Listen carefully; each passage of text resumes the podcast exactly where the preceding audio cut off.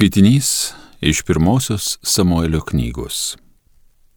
Visi Izraelio seniūnai nuvyko į Ramą pas Samuelį ir jam pareiškė, esi jau senas, o tavo sūnus nevaikšto tavo keliais.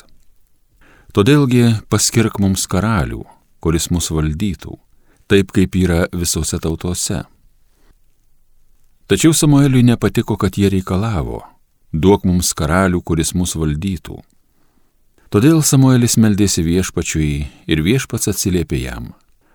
Klausyk tautos balso visame kame, ką jie tau sako. Juk jie ne tavegi atmetė, o mane. Aš nebeturys jų karaliumi būti.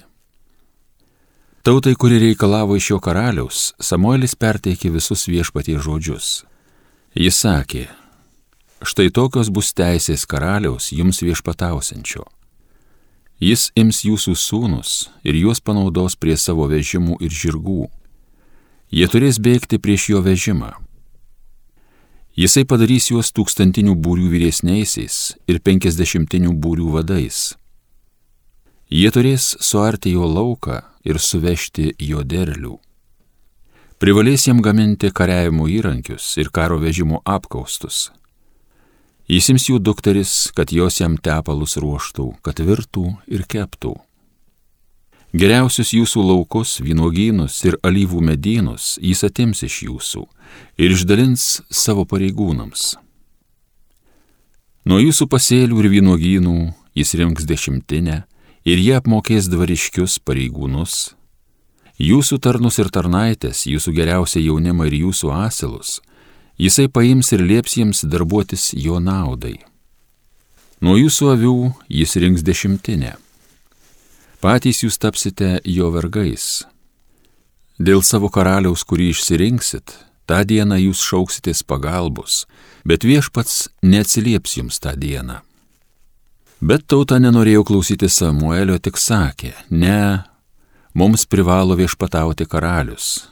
Mes norime būti kaip visos tautos Mūsų karalius turi mus teisti, mums vadovauti ir vesti mūsų karus.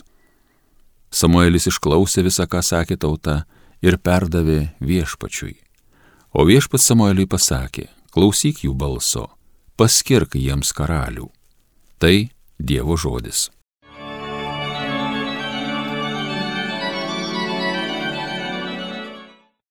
Viešpatie tavo malonės gėdosiu per amžius Laiminga tauta, kuri tave garbinti moka džiaugsmingai, tavo veido šviesos apšviesta jį gyvena, nuolat linksmina ją tavo vardas, didžiuojasi į tavo teisybę. Viešpatie tavo malonės gėdosiu per amžius. Jos galybė spindesys tavo puošia, mes stiprūs tavo malonę.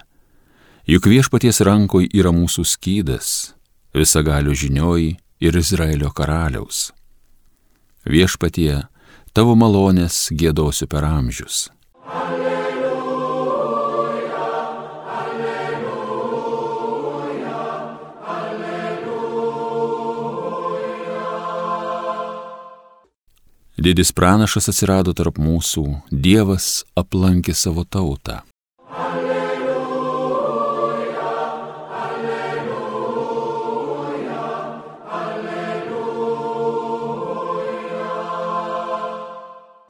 Viešpat su jumis, pasiklausykite Šventojios Evangelijos pagal Morku. Kai Jėzus vėl atėjo į Kofarnaumą, žmonės išgirdo jį esant namuose ir tiek daug prisirinko, jog nei prie durų nebeliko vietos. O jis skelbė jam žodį. Tada keturi vyrai atnešė paralyžiuotą žmogų. Negalėdami dėl minios prinešti jo prie Jėzaus, jie praplėšė stogą namo, kuris buvo ir padarė skylę nuleido žemyn neštuvus, ant kurių gulėjo paralyžiuotasis. Išvykęs jų tikėjimą, Jėzus kreipėsi į paralyžiuotąjį. Sūnau, tavo atleidžiamos nuodėmis. Tenai sėdėjo keletas rašto aiškintojų, kurie svarstė savo širdyje, kaip jis drįsta taip kalbėti. Juk jis pikžodžiauja. Kasgi gali atleisti nuodėmės, jei ne vienas Dievas? Jėzus iš karto savo dvasia perpratęs jų mintis tarė. Kam taip manote savo širdyje? Kas lengviau ar pasakyti paralyžiuotajam tau atleidžiamos nuodėmės, ar liepti kelkis, pasimk neštuvus ir vaikščiuk. Bet kai žinotumėte žmogaus sūnų turint galę atleisti žemėje nuodėmės, čia jis tarė paralyžiuotajam, sakau tau, kelkis, imk savo neštuvus ir eik namo. Šis atsikėlęs tojo pasėmė neštuvus ir visų akise nuėjo savo. Visi be galo stebėjusi ir šlovino Dievą sakydami, tokių dalykų mes niekada nesame matę.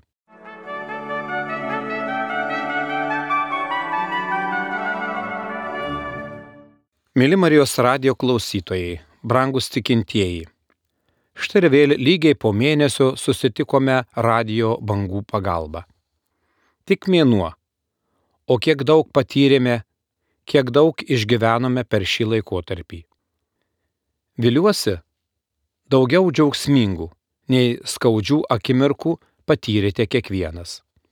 Džiaugsmingai sutikime kūdikėlio Jėzaus užgimimo šventę naujuosius 2024 metus, į kuriuos duris atvėrė mūsų dangiškoji motina Marija. Kartu su šventaja šeima pasitikome iš rytų tris išminčius, atskubėjusius pasveikinti užgimusio pasaulio išganytojo, gelbėtojo, padėjėjo ir tikro draugo. Pirmą sekmadienį po Kalėdų pirmą kartą sutikome Jėzų prie Jordano upės, kuris atėjo, kad kartu su tauta būtų Jono Krikščitojo pakrikštytas. Po jo krikšto ir gundimų dykumoje prasidėjo taip vadinamas eilinis laikas. Tai yra laikas, kai Kristaus paslaptis švenčiama ne su kuriuo nors išskirtiniu įvykiu, bet viskas kartu. Šiame laike mūsų kelionę palydi evangelistas Morkus. Jo evangelijoje įvykiai aprašomi glaustai, jie sparčiai keičia vienas kitą. Pavyzdžiui, pirmajame skyriuje tik 13 eilučių aprašo Jono Krikščitojo pasirodymą dykumoje, Jėzaus krikštą ir jo gundimą dykumoje. Antroje šio skyriaus dalyje jau aprašoma Jėzaus veiklos pradžia. Čia įvykiai vėl sparčiai vystosi. Pirmiausia, Jėzus paskelbė, kad atėjo metas ir prisertino Dievo karalystė. Kartu pakvietė, atsiverskite ir tikėkite Evangeliją. Tuomet jis pašaukė pirmosius mokinius - Simoną ir jo brolį Andriejų, Jokūbą ir jo brolį Joną, Kartu su jais atvyksta į Kafarnaumą, kur pradeda jų sinagogoje mokyti. Čia jis pagydė daugelį sergančių įvairiomis lygomis, išvarė daug demonų ir išvyko skelbti žodį bei gydyti po visą Galilėją. Šiandien išgirdome ištrauką iš antrojo skyriaus. Jėzus vėl grįžta į Kafarnaumą.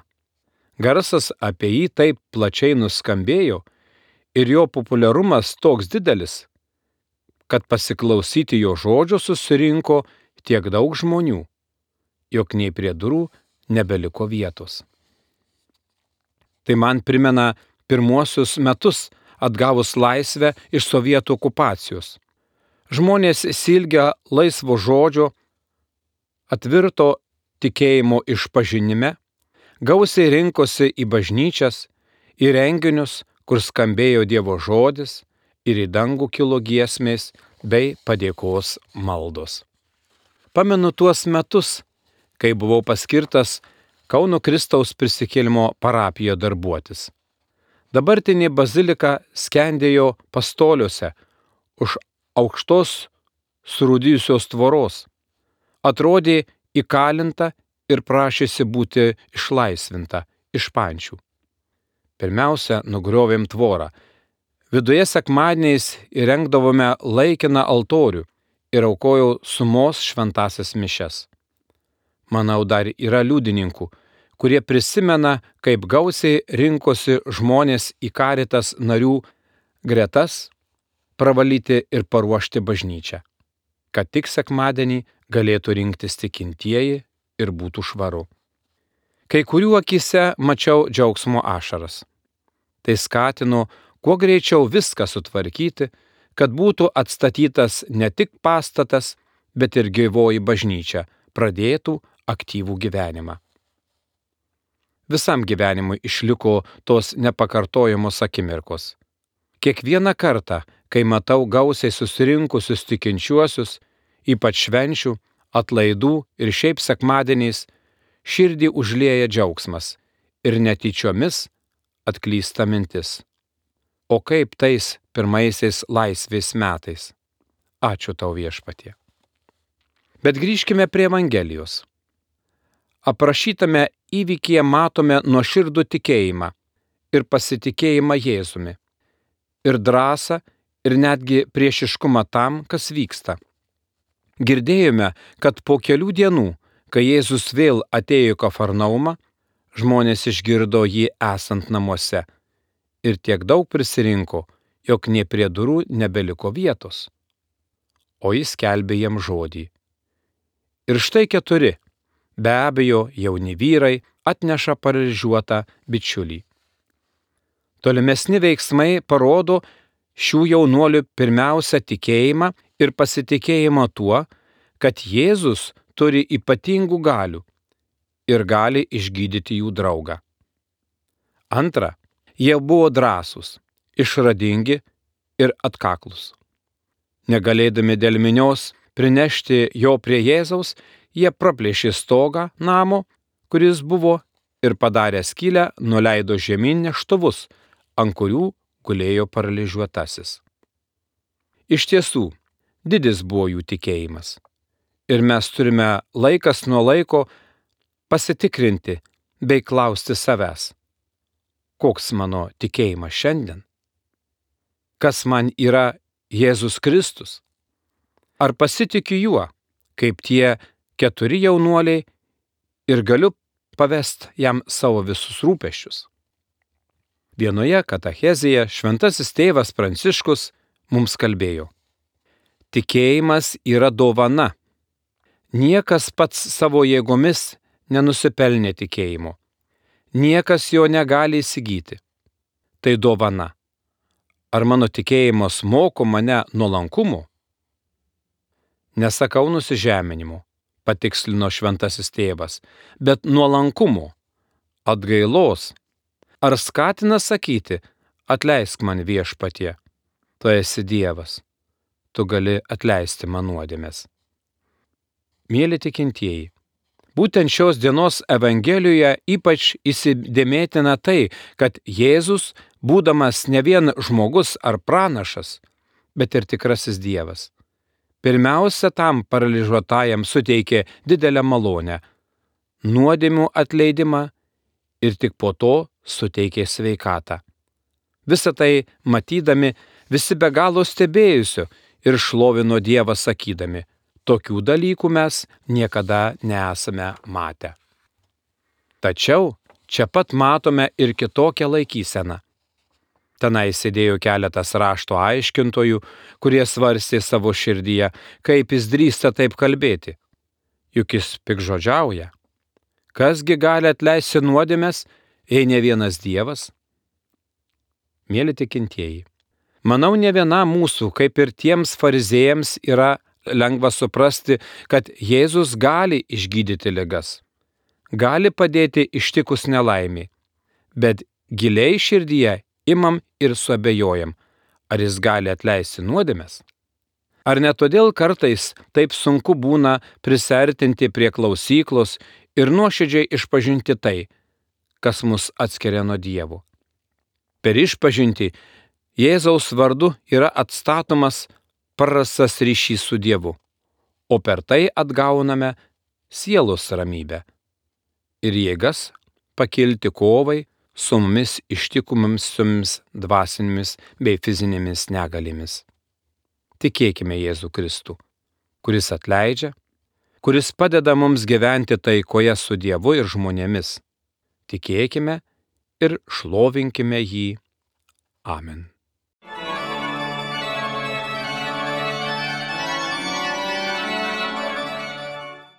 Homilija sakė monsinjoras Vytautas Grigaravičius.